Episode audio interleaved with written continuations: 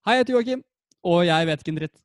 Dette er en podkast hvor jeg hver episode tar for meg ett tema som jeg ønsker å lære meg mer om. Dagens tema er alkohol. Hvordan ser alkoholkulturen ut i Norge? Hvordan er politikken? Hvordan bør det være? Hvorfor er det sånn?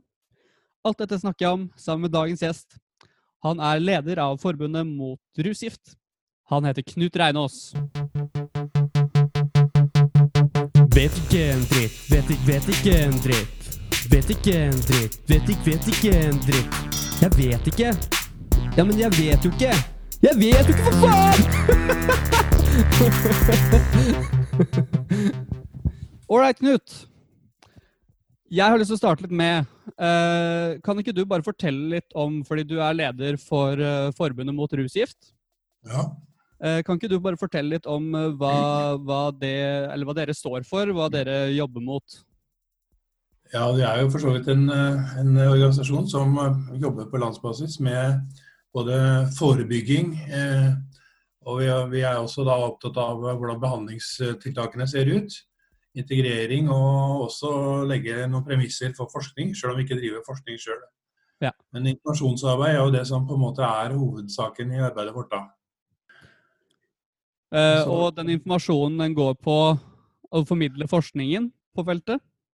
Ja, det gjør det. Og det er klart at vi har også bestemte oppfatninger om hvordan ting skal være. ikke sant? Vi, akkurat nå så driver vi en, eh, en eh, aksjon på, på narkotika. Ja. Men vi er også mye inne på alkohol og jobber mye med det. Det er det som egentlig er hovedsaken vår. Og øh, hvis vi skal si litt mer om forbundet, så har vi egentlig to uh, måter å være tilknytta forbundet på. For det Mhm. første så kan du være medlem, og da har du også visse forpliktelser til å holde deg borte fra alkohol og å prøve å fremme forbundets politikk så godt du kan. Og så er det da i tillegg en støttemedlemskapsordning hvor folk rett og slett bare er med å betale fordi de syns det er bra, men som vi da ikke stiller noen krav til om hvordan de sjøl skal ha det når det gjelder eh, alkohol og, og eh, personlig alkoholbruk. Mm. Fordi eh, det er, en, eh, det er en avholdsideologi dere forholder dere til? Det kan du si. Ja. Eh, for, å, for å begrunne det litt, så kan du si at hvis vi nå på en måte mener at alkohol er en av de aller største folkehelseproblemene vi har i landet, og så sier vi etterpå skål, så er det klart at, at det står litt i motsetning til hverandre. Du mister litt troverdighet. Ja. Den største troverdigheten får du hvis du på en måte står for det du på en måte agiterer for. Mm. Ja. Nei, jeg setter pris på den logiske sammenhengen der. Ja. Så hva er det som Men dere mener da altså Hvis dere skulle fått det som dere ville, da, hvis vi skal si det på den måten, så ville alle vært avholds? Eller ville alkohol vært helt ulovlig? Eller hva er tankegangen deres der? Nei, altså vi, har jo hatt et, eh, vi hadde jo et forbud mot brennevin og sterkvin i Norge sånn på slutten av, eh, eller begynnelsen av 1900-tallet, Mm. like etter første verdenskrig. Og selv om alkoholforbruket gikk veldig sterkt ned da, så ble det også veldig mye smugling og hjemmebrenning og doktorsprit og, og sånne ting. Mm. Så, det, så det forbudet ble jo ganske upopulært etter, etter fem-seks år. Ja. Og da ble det også oppheva en folkeavstemning. Så etter det så har vi jo da tenkt at eh, det gjelder da å, å um, kontrollere eh, tilgangen på alkohol mest mulig, sånn at vi holder forbruket så lavt som mulig. Mm. Så Det er liksom eh, tanken vår når det gjelder alkoholpolitikk. da. Mm. Så, så kan du jo si at, at vi f.eks. har et vinmonopol som da kom som en følge av, av forbudstida, og som vi har hatt hele tiden etterpå. Og eh, det vinmonopolet skulle jo liksom Ideologien var i begynnelsen at det skulle ligge sånn i bakgatene og egentlig være litt sånn eh, eh, suspekt å gå dit. Mm. Men nå ligger det jo på kjøpesentrene og er faktisk en av de mest populære instansene vi har i, i, i Norge. Og ve veldig stor oppslutning blant, eh, blant publikum flest. Fordi eh, både varekunnskapen og, og hva skal vi si, da, den servicen man får, er mye bedre enn man får f.eks. nedover på kontinentet når man skal gå og kjøpe alkohol der. Mm.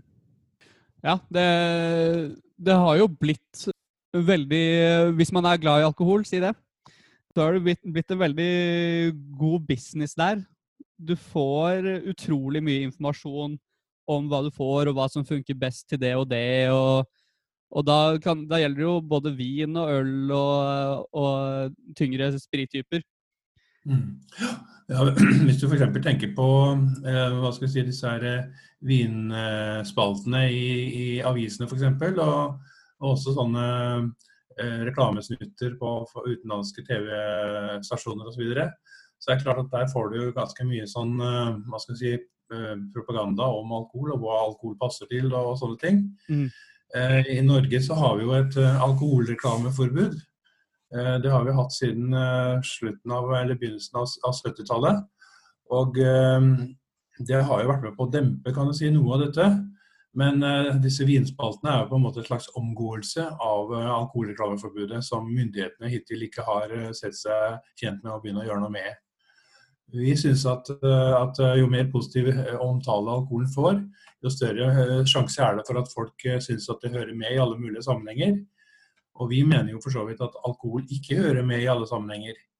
F.eks. så hører det ikke sammen med la oss si bilkjøring, eller med, med båtliv, eller med uh, omsorg for barn, eller på idrettsarenaen osv.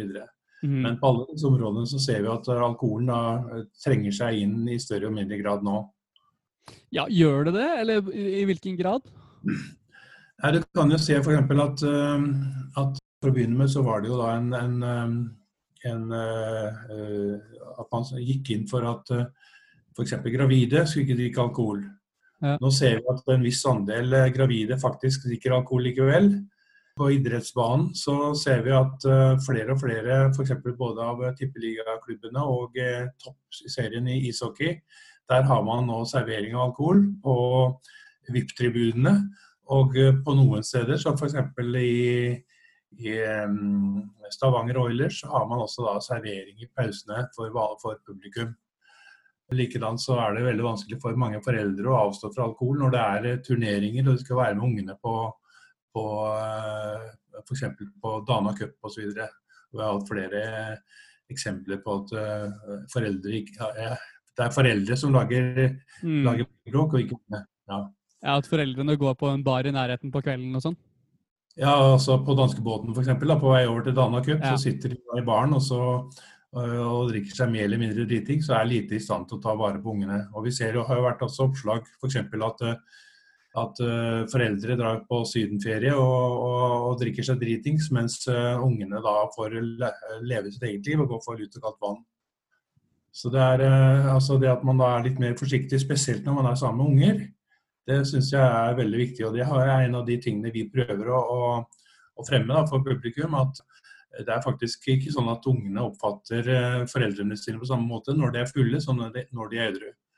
Foreldrene forandrer seg, og det skaper utrygghet for unger. Ja. Nei, altså, på, det, på, det, punktet der er jeg jo for så vidt helt enig med deg. At man må, man må selvfølgelig opptre varsomt og omsorgsfullt når man har barn. Og spesielt ja. unge barn. Da. Ja. Men Betyr det kutte all alkoholbruk, eller eh, betyr det passe på hvor mye man drikker?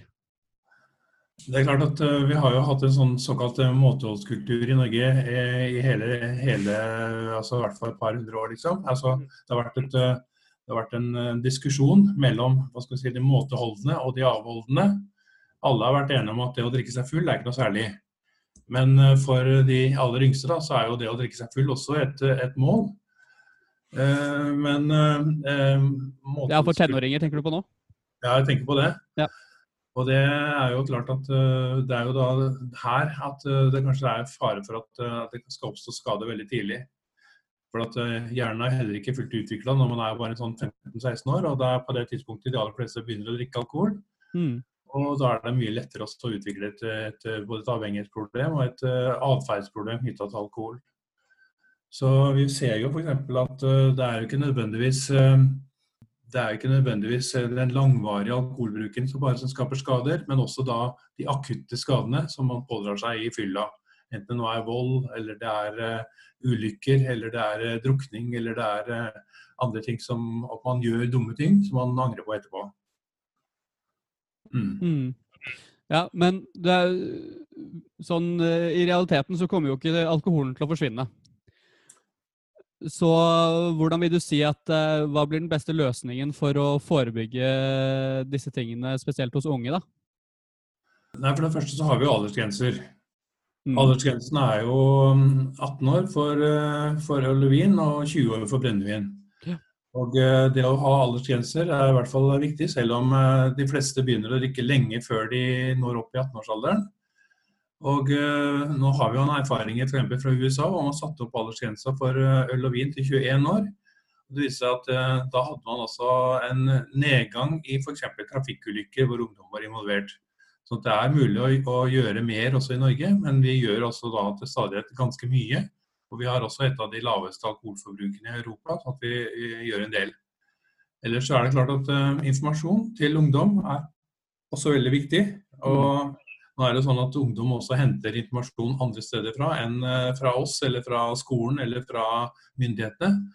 Men i hvert fall at man da faktisk da formidler for ungdom at det er både skadelig å, å drikke alkohol, og spesielt å drikke mye alkohol. Og at man, eh, at man, eh, må holde seg vekk fra alkohol i ganske mange situasjoner. Nå er det jo sånn at vi holder jo faktisk vi holder oss jo vekk fra alkohol i veldig mange situasjoner i Norge. Vi drikker ikke alkohol på hverdagene vanligvis. Uh, det er i helgene det går. Mm. Og da, da, kommer vi altså inn på et annet problem knytta til, til, alkoholpolitikken, altså alkoholkulturen. Um, for at hvis du ser, altså hvis man har et jevnt forbruk av alkohol hele uka, så vil man ikke få så mye hva skal si, fyll og uh, alkoholpåvirkning. Men man vil få de skadene som kommer av langvarig eh, sammenhengende alkoholforbruk. Sånn som f.eks. Eh, skrumplever og sånne ting, som da mange opplever etter en 10-15-20 års eh, jevnt alkoholforbruk. Mm. Men så er det da disse at man da drikker i helgene, altså helgefylla den er jo da den typiske norske måten å drikke på. Ja. Og det er jo da at man da drikker så mye som man kan på, på lørdagskveldene. Og, og, at da er ikke formålet å sitte og nyte smaken, eller eh, da er det rett og slett uh, virkningen som er viktig. Og det å, å, å, føle at man er skikkelig på en snurr.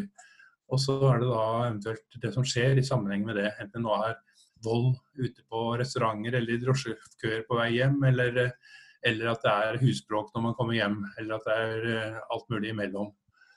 Så helgefylla er faktisk da vårt store problem. Og nå har, jo, nå har jo myndighetene, for så vidt helt siden 1980-tallet, så har de sagt at eh, vi må utvikle mer kontinentale drikkevaner. Mm. Det vil si at man da skal drikke mer sånn som de gjør i Frankrike og Italia og, og sånne land. Eh, hvor man da kanskje har et mer jevnt forbruk av alkohol. Og det som viser seg da at eh, vi holder veldig fast på vår, eh, vår eh, helgefylltradisjon, ja. men at for en del av befolkningen så har også da de middelhavsvanene med å drikke alkohol hver dag kommet i tillegg. Så da har man både helgefylla og, og hva skal jeg si, hverdagsfylla. Og da, det, da kan du si at da får man det verste av begge deler. Mm. Mm. Ja, men det er eh, interessant. det der, altså, Helgefylla det er jo klart det er noe jeg kjenner meg igjen i. Og også det med å begynne å drikke fra tidligere alder enn 18 år. Eh, det er jo sånn da jeg vokste opp òg, at det er jo de fleste jeg kjente og meg selv, vi, vi drakk jo fra vi var sånn ja, 15-16. Ja. Det er jo også et, et voksenhetssymbol, ikke sant. Altså Man får ikke lov til å drikke hvis man er barn, det er jo alle sammen enige om. Ja. Men så ser, ser vi samtidig at de voksne drikker. Og hvis vi da vil føle oss voksne, så er det klart at det å drikke alkohol det er noe som man da, det er et slags voksenhetsrituale å begynne å drikke alkohol når man er 15-16 år. For mm. å på en måte være, være, mer voksen da. Så da kan du si at Voksensamfunnet setter jo på en måte en standard som ungene følger opp. Det er ikke sånn at de finner på det av seg sjøl, men de ser det rundt seg hele tida. Mm. Så jeg prøver bare å komme på altså, hva, hva måtte vært altså, Ting måtte ha vært fundamentalt annerledes, føler jeg, for at uh, for at man ikke skulle gjort det? Ja, men hvis du tenker på øh, Hvis du går noen år tilbake i, i tida, mm. Eh, til eh, hva skal jeg si, forrige århundreskifte, så var jo veldig store andeler av befolkningen alkoholfrie. De drakk ikke alkohol. altså Da hadde avholdsbevegelsen en veldig sterk posisjon i Norge. Mm Uh, 10 av befolkningen var organiserte avholdsfolk, og de andre drakk jo nesten ikke de heller da, da var det jo eh, altså Folk levde jo sine liv den gangen også. De fikk barn, og de forelska seg, og de dansa, og de gjorde de andre tingene som, som vi også gjør i dag, men uten alkohol. Og det er litt av det vi tenker på i, i vår organisasjon også, da, at vi prøver å, eh, vi prøver å skape alkoholfrie miljøer som folk kan, kan trives i uten å drikke alkohol. Jeg så nettopp nå et eh, oppslag med disse to eh, herrene i ABBA, eh, Bjørn og Benny. Det har du hørt om, ikke sant? Ja. De drakk jo i, i mange år. Men de har jo da drukket på seg en alkoholisme, begge to.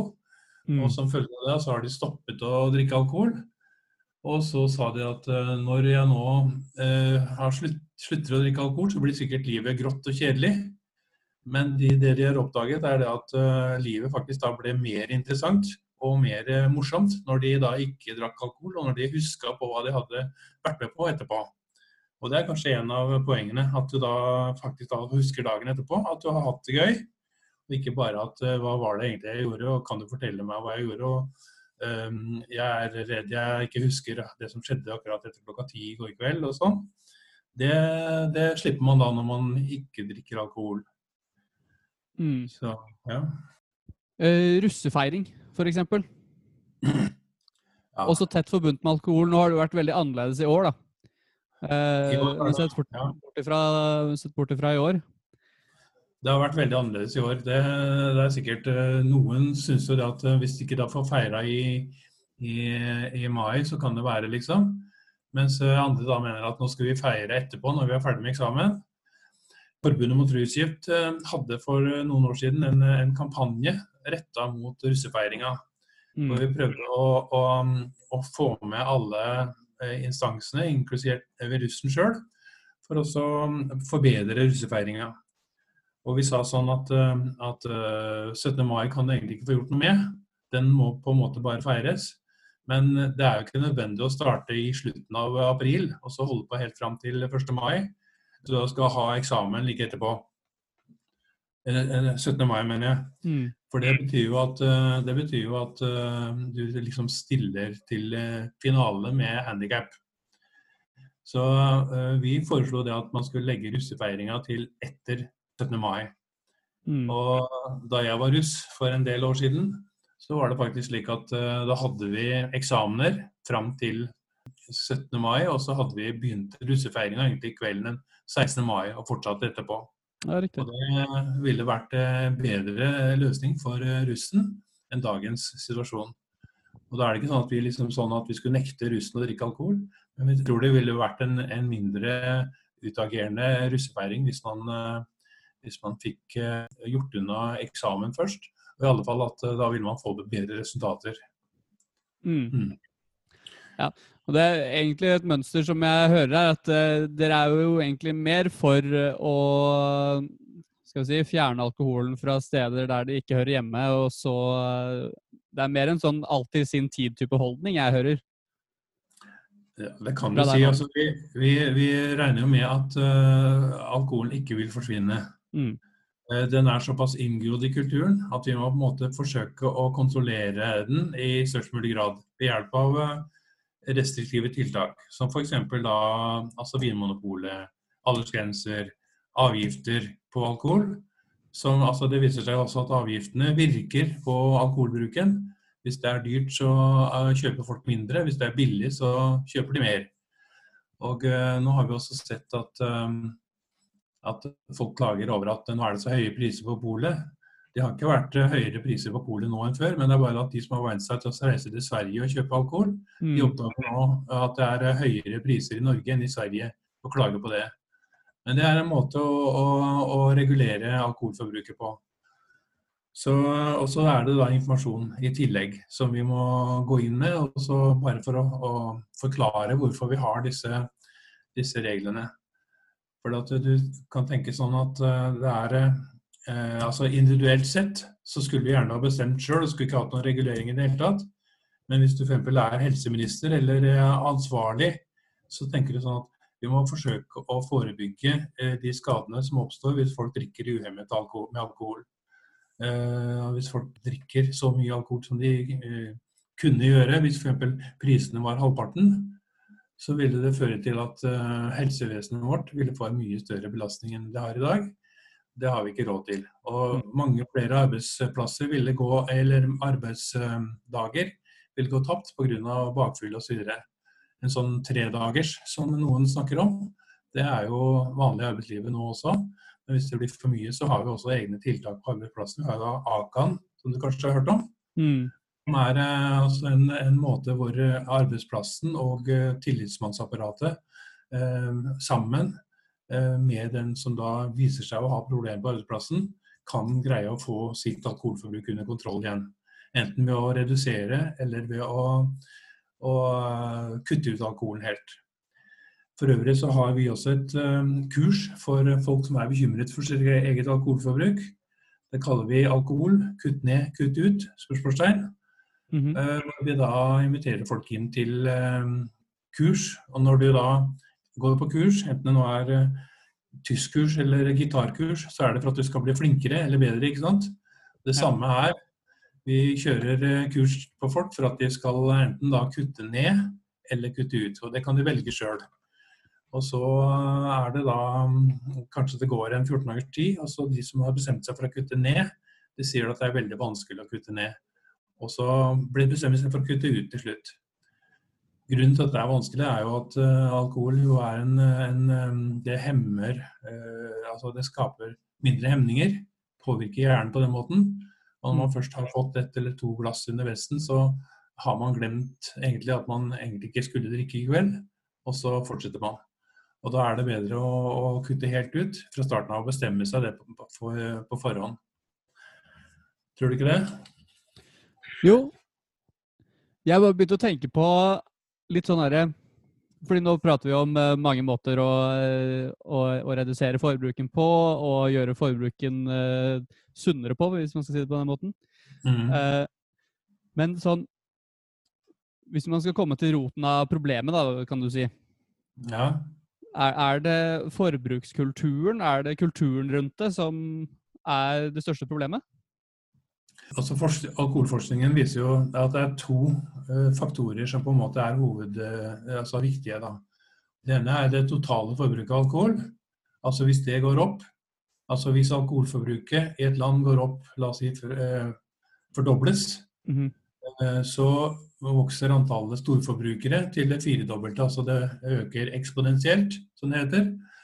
Eh, og hvis du da skulle greie å redusere alkoholforbruket til halvparten, så vil du da kunne greie å redusere antallet storforbrukere til en fjerdedel. Da vil du redusere veldig mye alkoholproblemer. Og hvis du ser på la oss si, alkoholforbruket vårt da, like, etter, eller like eh, før og, og krigen og, og fram til i dag, så har det jo liksom mer enn fordobla seg. Det betyr at uh, alkoholskadene da er veldig mye større enn det var på den tida der. Det andre er jo da drikkemønsteret, som jeg har snakket om, ja. snakket om da, det med, med helgefylla.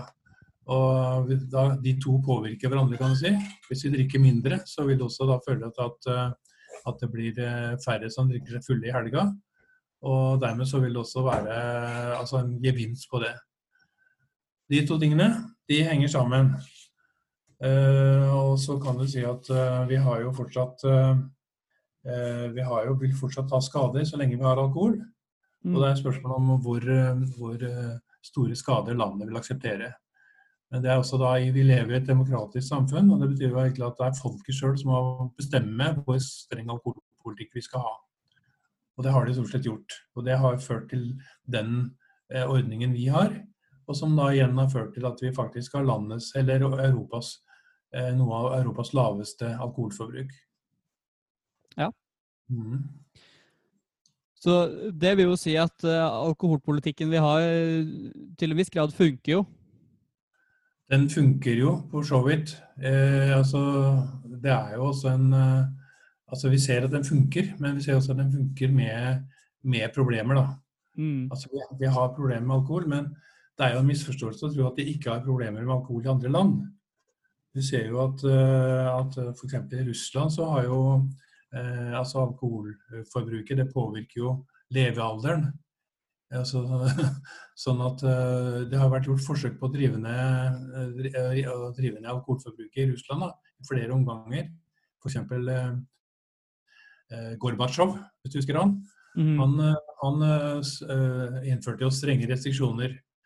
Og da gikk jo altså alkoholforbruket ned, levealderen gikk opp, og helsesituasjonen blant russerne gikk opp. Men han ble likevel en av de mest upopulære presidentene de hadde hatt der borte. Og kanskje en viktig årsak til at, eh, at eh, Sovjetunionen brøt sammen, var nettopp det at han hadde innført strenge restriksjoner mot alkohol. Sånn at uh, alkoholtilgjengeligheten det er nesten hellig for en del folk. Og den uh, det sitter dypt og, og innskrenker folks tilgjengelighet til alkohol. Mm. Ja. Rent sånn hypotetisk. Hva tror du hadde skjedd hvis alkohol ble forbudt i morgen? Hvis det ble forbudt i morgen, eller mm. fullstendig forbudt, så ville jo det i første omgang føre til eh, veldig kraftig nedgang i forbruk. Ja. Men det ville også da føre til at eh, de som da hadde en avhengighet av alkohol, eller de som da følte at alkohol hører med, og så at det må vi ha tilgang til, de ville forsøke å skaffe seg alkohol på andre måter. Sånn som man også gjorde under eh, forbudstida. Du vil få et, eh, et stort eh, svart illegalt marked for alkohol. Du vil få leger som igjen begynner å skrive ut doktorsprit, sånn som de skriver ut medisinsk marihuana i USA f.eks. Du vil få apotekene som omsetter alkohol, du vil få, du vil få dyrlegesprit osv. Og, og du vil kanskje få hjemmebrenning. På 80-tallet var det noe som het for hurtigvin, som da folk drev og la sjøl. Mm. Det vil også da komme etter hvert, kan du si. Eh, så de erfaringene vi har fra forbudssida, var at det, at det var jo en veldig kraftig bedring i helsetilstanden de første årene. Men samtidig så ble da disse alternative kildene mer og mer framtredende. Og uh, samfunnet greide rett og slett ikke etter hvert å, å, håndtere det. Og det var en viktig grunn til at uh, forbudet ble opphevet. Mm. Ja. Jeg syns jo det er interessant dette med ruspolitikken generelt. Ja. Uh, og i mitt hode så bygger det mer på kultur enn hva som faktisk er uh, altså farlig for deg, uh, og virkningen av det osv. Altså sånn kulturen bak alkoholbruk da, og kontra andre rusmidler. og dere driver jo Eller dere har jo forslag til ruspolitikken på en mer generell basis også. Ja. Uh, nå har jeg ikke tenkt å snakke om andre rusmidler spesifikt i dag. Uh, men sånn alkoholpolitikken i forhold til politikken eh, overfor andre rusmidler. Syns ja. du den henger sammen, holdt jeg på å si, eller hvordan syns du den er? Uh, jeg syns at den henger sammen, for så vidt. Altså, det er jo forskjell på et, altså, du har en langvarig tradisjon for å drikke alkohol, og det er ca. 80-90% av befolkningen som drikker alkohol, enten ofte eller av og til. Eh, og vi ønsker å fortsette med det. Og så har du da en veldig liten gruppe som, drikker, som bruker eh, narkotika. Mm -hmm. Storparten av befolkningen er motstandere av at det skal være tillatt og at man skal bruke narkotika. Og da er det hensiktsmessig med et forbud. Eh, Stortinget har også sagt at det skal være forbudt fortsatt. Selv om det er en diskusjon om dette med avkriminalisering akkurat nå, så er eh, forbudet slått fast i, i det mandatet som det nye rusreformutvalget fikk. Så, så, det er det ingen tvil om. Og et forbud er ikke et, det er ikke et prinsippspørsmål, det er et hensiktsmessig spørsmål. Mm. Og hvis, du, hvis, det er hensiktsmessig å ha et forbud, sånn som det er med de eh, andre narkotiske stoffene, mm. så opprettholder vi det forbudet. Eh, så det er veldig lett å forklare hvorfor det er en forskjell. Og så er det noen som sier sånn at eh, ja, men eh, altså, alkohol er jo like farlig, og kanskje til og med farligere enn mange av de narkotiske stoffene. Og det, altså, Fra et individuelt synspunkt så kan du si det. Men hvis de eh, narkotiske stoffene skulle bli like utbredt og like mye brukt som alkohol, så vil det også få en svær økning i bruken av de narkotiske stoffene. Og det vil ikke komme i stedet for alkohol. For alkoholen har vi, og vi ser også at de som bruker narkotika, de bruker også alkohol. Gjerne da i, i kombinasjon. Så det, det interessante er ikke om vi ønsker eller om det ene stoffet er farligere enn det andre. Men om vi ønsker nye stoffer inngrodd i kulturen på samme måten som alkoholen allerede er. Mm. Ja, så politikken, eh, som du sier her nå, det, den går jo på hva folk flest vil. Ja, men den går Allerede, også da, egentlig. ja, men den går også da på at uh, altså, i og med at vi har et demokrati, så har vi også da noen representanter som da representerer oss, og da, som på en måte skal oppsummere folkeviljen da, yep. i, i forskjellige partier. Og vi får nå se hvordan det går på, på narkotikasida. Men i hvert fall på alkoholsida så er det ingen eh, stor eh, diskusjon om, eh, om at vi skal ha en restriktiv politikk. Den ligger jo fast, står det også i regjeringserklæringen. Selv om da noen da prøver å, å foreta sånne små endringer i, i mer liberal retning. Og nå under koronakrisen så har det f.eks. også blitt vanlig at noen driver og kjører hjem øl til folk. For at folk ikke kan dra på butikken så ofte, liksom. Mhm. Og da får man jo inntrykk av hvor viktig folk syns at dette, denne, dette alkoholen er, når de på en måte til og med får, må få den hjemkjørt. Og at det blir et ramaskrik hvis de ikke får det. Så ja. Nei, det er ganske morsomt det der med hvor, hvor viktig folk syns alkohol er. Sånn, eh, antall ganger, Nå er det jo litt fordi det ikke er tillatt med like mange inne på polet om gangen, uh, selvfølgelig også. Men antall Mhm. ganger jeg har sett det er sånn 20-30 meter med kø utenfor Vinmonopolet om dagen, det er ganske ofte. Ja, jeg har også sett det. Og, og hvis du tenker på eh, altså Det som man har sagt skal være åpent, det er, eh, det er matbutikker, og så er det apoteker, og så er det da Vinmonopolet. Alle Mm. andre kan gjerne stenge. Mens uh, f.eks. bibliotekene er stengt. Bibliotekene syns jeg er mye viktigere enn Vinmonopolet, men de er ikke åpne da nå under koronakrisa. Og det er jo sannsynligvis langt eh, langt mer, flere meter mellom folk på biblioteket enn det er på Vinmonopolet.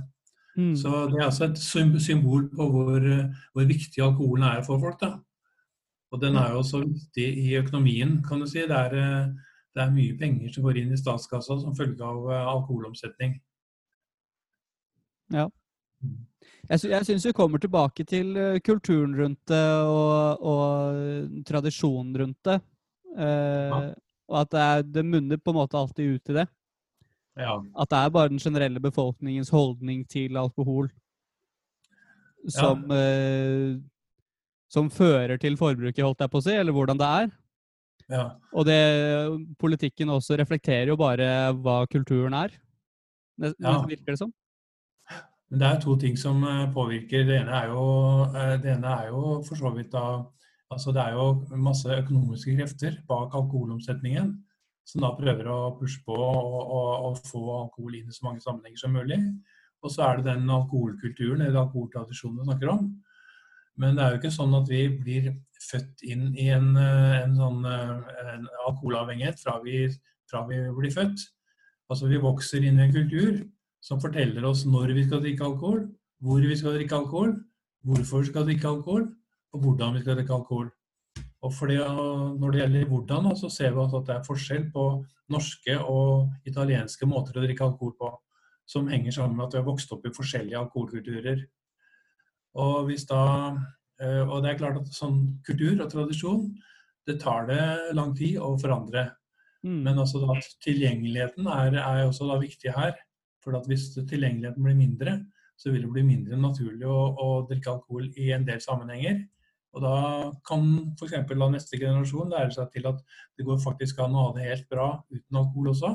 Det er gøy, det òg. Det er gøy å gå i, i tog på 17. mai uten at vi drikker alkohol. Ikke sant? Ja. Jeg liker å spise kake, jeg, så det er ålreit, det òg.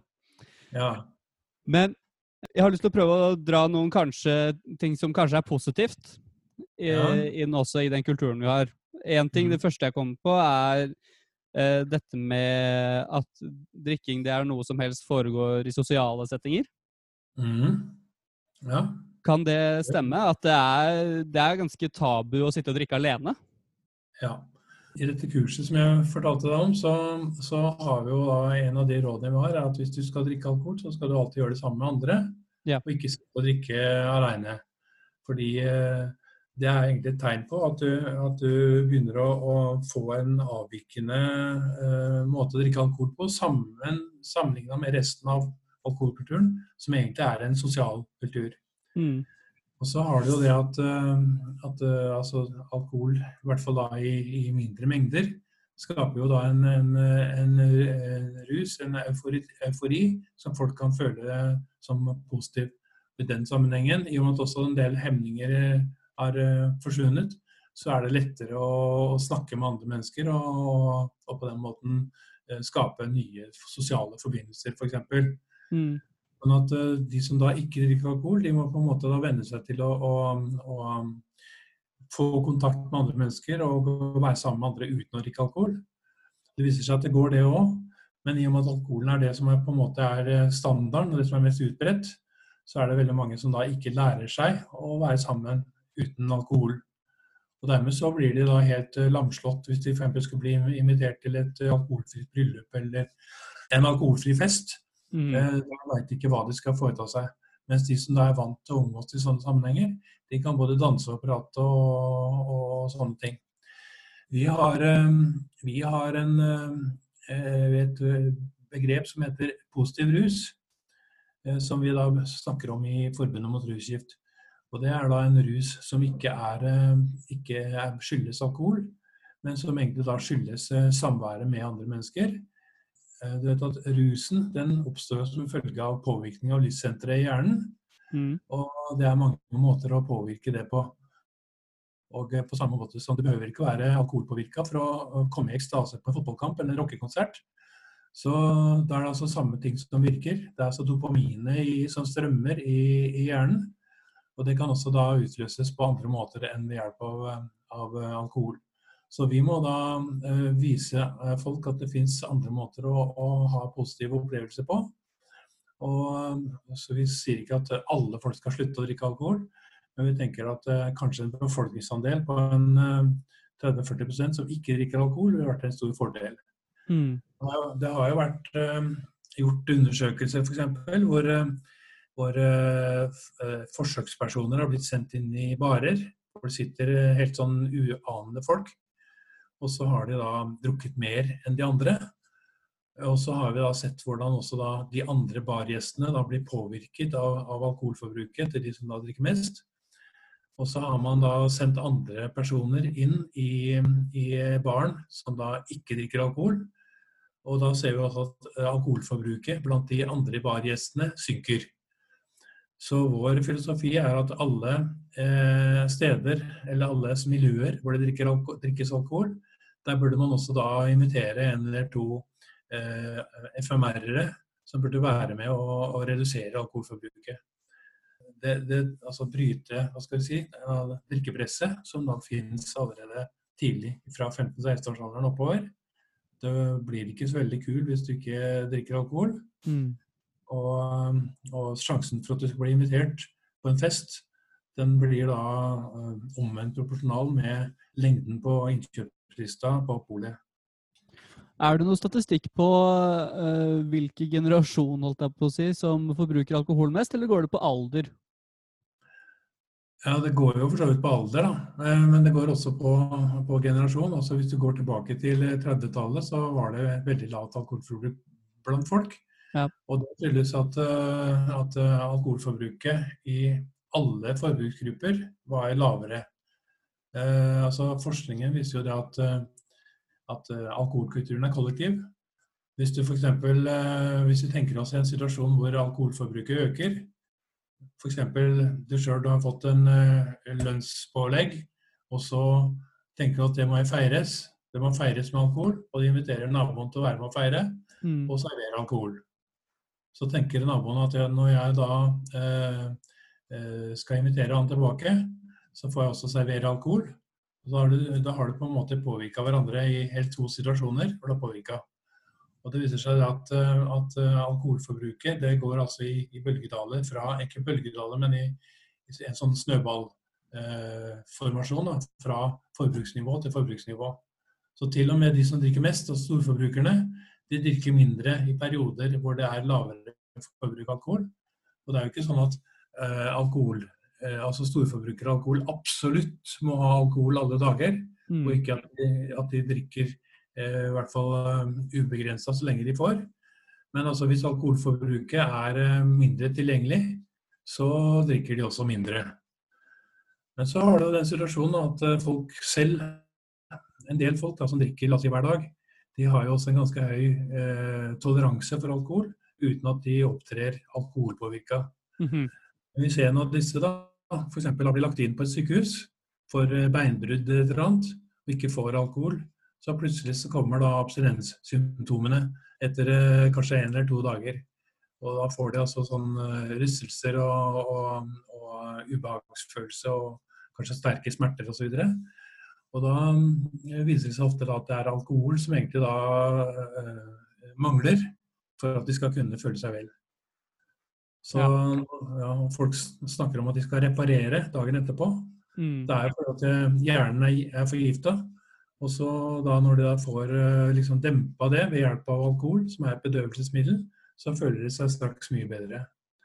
Og hvis du f.eks. har kommet på legevakta og er drita full, så finner du ikke på å, å gi deg bedøvelsesmiddel fordi om de skal sy litt. De behøver ikke det, for du er bedøvd på forhånd. Ja. Mm. Det er jo mye altså mye av det som vi har pratet om også, er jo bare sånn ren sosial påvirkning. Ja. Og det er jo Det kjenner jo jeg igjen også.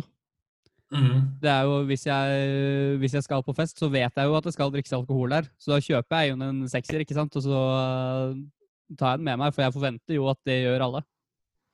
Nettopp. Eh, det er jo ikke fordi man sier at i kveld skal vi drikke alkohol eller noe sånt. Man sier jo bare Eller man sier jo kanskje gjerne vi skal ha vors eller noe sånt, da, er det jo innforstått. Ja. Men uansett, da. For eksempel nå på, på søndag, altså i morgen på 17. mai, Ja. så eh, skal jeg jo en 17. mai-frokost. Mm. 100 sikker på at det skal drikkes alkohol der. Ja. Eh, og så skal jeg en lunsj. 100 sikker på at det skal drikkes alkohol der også. Ja. Eh, uten at det er jo noen som sier at man skal drikke alkohol. Men Mm. det er jo innforstått når man skal i sånne arrangementer. ja. Uh, og jeg tror ikke det gjelder alle, da, men det gjelder vel sikkert først og fremst for uh, yngre mennesker. Det kan være. Jeg vil se for meg i hvert fall at det er forskjell på yngre mennesker som samles bare venner, og når det er familier som møtes med familievenner og sånn, til litt mer voksne hvor det er yngre barn til stede og sånn. Nå vet ikke jeg Du har sikkert en oversikt over statistikken på det også? ja, men eh, det er klart at eh, det er unge mennesker, unge enslige for å si det sånn, Mhm. som, eh, som skal møtes i sånn gode venners lag, så er det ofte sånn at du behøver ikke å si at det skal være alkohol. Det er, kommer av seg sjøl. Ja. og da har du jo to Altså du har forventninger til at det skal være alkohol der. Eh, sånn at stemningen er jo ikke nødvendigvis, eh, kommer ikke nødvendigvis bare pga. at du drikker alkohol, men også pga. selve forventningen. Ja. Sånn at stemningen stiger allerede når du, når du hører klirringa i plastposene eller, eh, eller, når, eller kjøleskapsdøra. Ja. Eh, Det tar jo kanskje en, eh, la oss si sånn en liten halvtime før alkohol begynner å virke, etter at du har begynt å drikke. Mhm. Men da er jo stemningen allerede høy. Ja, du blir gira lenge for det. Ja, ikke sant? Sånn forventningen har veldig stor betydning. Jeg blir jo da- gira når jeg er hjemme og tar på meg dressen og skal dra ned. Når du tenker på det, ikke sant? Ja. Men så kan du si at hvis du da eh, Hvis du da f.eks. ikke skulle være La oss si du er eh, ja, Jeg har allerede drukket så mye alkohol på, på min tid at jeg ikke tåler noe mer. Jeg er nødt til å liksom kutte ut. Ikke sant? Så skal du da være utelukket fra festen? Nei. Da må du jo ta med deg et alkoholfritt øl eller alkoholfri vin eller et eller annet sånt. Og stort sett så vil ikke de andre oppdage at du drikker alkoholfritt engang. Sånn at, øh, at det går greit. Og så kan du også øh, Det er også noen som tenker sånn at ja, ja, nå drikkes det litt for mye.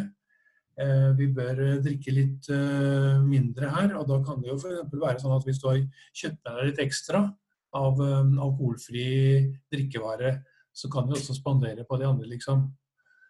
Eh, god, god, eh, et godt råd da, som, eh, som alkoholterapeuter gir, er jo at annethvert glass du drikker, det skal være vann.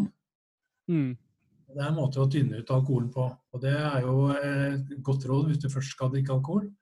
Men eh, det er klart at du behøver ikke å drikke alkohol. Du kan godt være med i det andre selskap. Og du kan si at eh, Hvis det er bare én som ikke drikker alkohol der, så kan du surfe på de andres rus. Mm. Jeg vet ikke om du har lagt merke til det, men altså, altså selve stemningen i et lokale gjør jo at, eh, at man blir påvirket.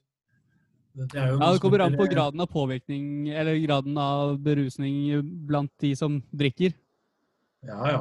Hvis, er, altså- hvis alle er overstadig beruset og du er helt edru, så har jeg lagt merke til at da blir det fort eh, kjipt å være der.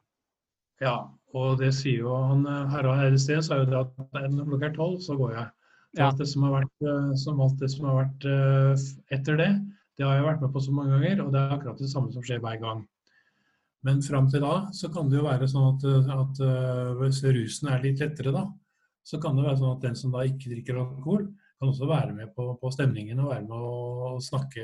Og, det er Mm. faktisk sånn at vi har noen sånne såkalte speilnevroner oppi hjernen. Jeg vet ikke om du har hørt snakk om det? Men det er i hvert fall sånn at vi uh, har en tendens til å oppføre oss sånn som de andre gjør. Ja. Uh, du kan se på små, speil, små babyer f.eks. som uh, Ja. De, eh, vinker og bruker fingrene og sånn når, når eh, moren eh, beveger seg foran dem.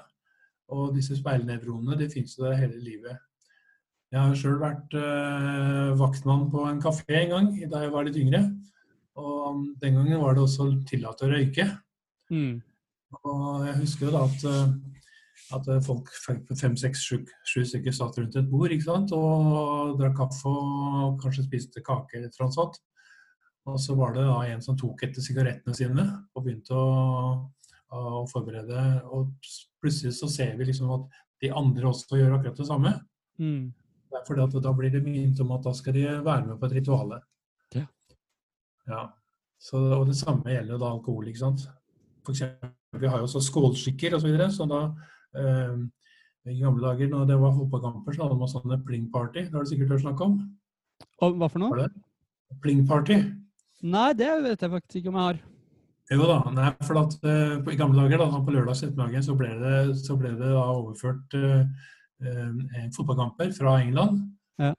Og, og hver gang det ble skåra mål, så ble det, salig pling i oh, ja. liksom, eh, monitoren, eller radioen. Og når det sa pling, så skulle det skåles. Ja. Det var sånn pling-party. Så man finner på, da, eh, som tids, mer eller mindre tidsavhengige eh, eh, ritualer knytta til, eh, til eh, hva, som, hva som skjer. Jeg vet Mm. ikke hva som er erstatta pling-party, men det er sikkert noe, det òg. Ja, altså, det høres jo ut som en form for drikkelek. så ja, det er jo mange drikkeleker i dag òg. Ja. Du har jo f.eks. når det er sånne russe... Eller sånn f.eks. disse her eh, ukene når Mm. man begynner på universitet og høyskoler. Eh, fadderukene. Så er jo i hvert fall en av, av de faste ritualene det er jo da sånn eh, pubstafett, eller hva man kaller det. Mhm. Man går fra pub til pub, og på alle steder så skal det naturligvis drikkes. Ja. Og da kan det godt hende at man, eh, at man knytter forbindelser, men eh, det betyr også at man da legger seg til alkoholvaner som kanskje kan være uheldige. Og det har vi sett når, det gjelder eh, studenter, at eh, der er det altså Det fins en type eldre studenter som, som faktisk da ja, går igjen der oppe, og hvor alkoholen er det viktigste de holder på med. Eh, Ja. Vanligvis er det sånn at, at folk begynner å drikke i 15-årsalderen, og så øker det til en par, par 20 år. Og så begynner eh, alkoholforbruket å gå nedover. Der. eh, Hva sa du? Ja, Jeg kjenner meg veldig igjen der. Ja, fordi da har man eh, Plutselig så får man, blir man mer alvorlig i forhold til studiet, eller man får seg en jobb. Kanskje man får seg kjæreste, man får seg familie. Man får andre interesser i livet enn bare å feste. Og da går alkoholforbruket nedover. Så, men så er det noen da som blir hengende igjen i et alkoholforbruk som da i lengden fører, fører til helseskader. Så det er en del av også blant eldre studenter. Mm. Tuter du på russ som sitter i rundkjøringen? Om jeg tuter på russ? Nei. Ja.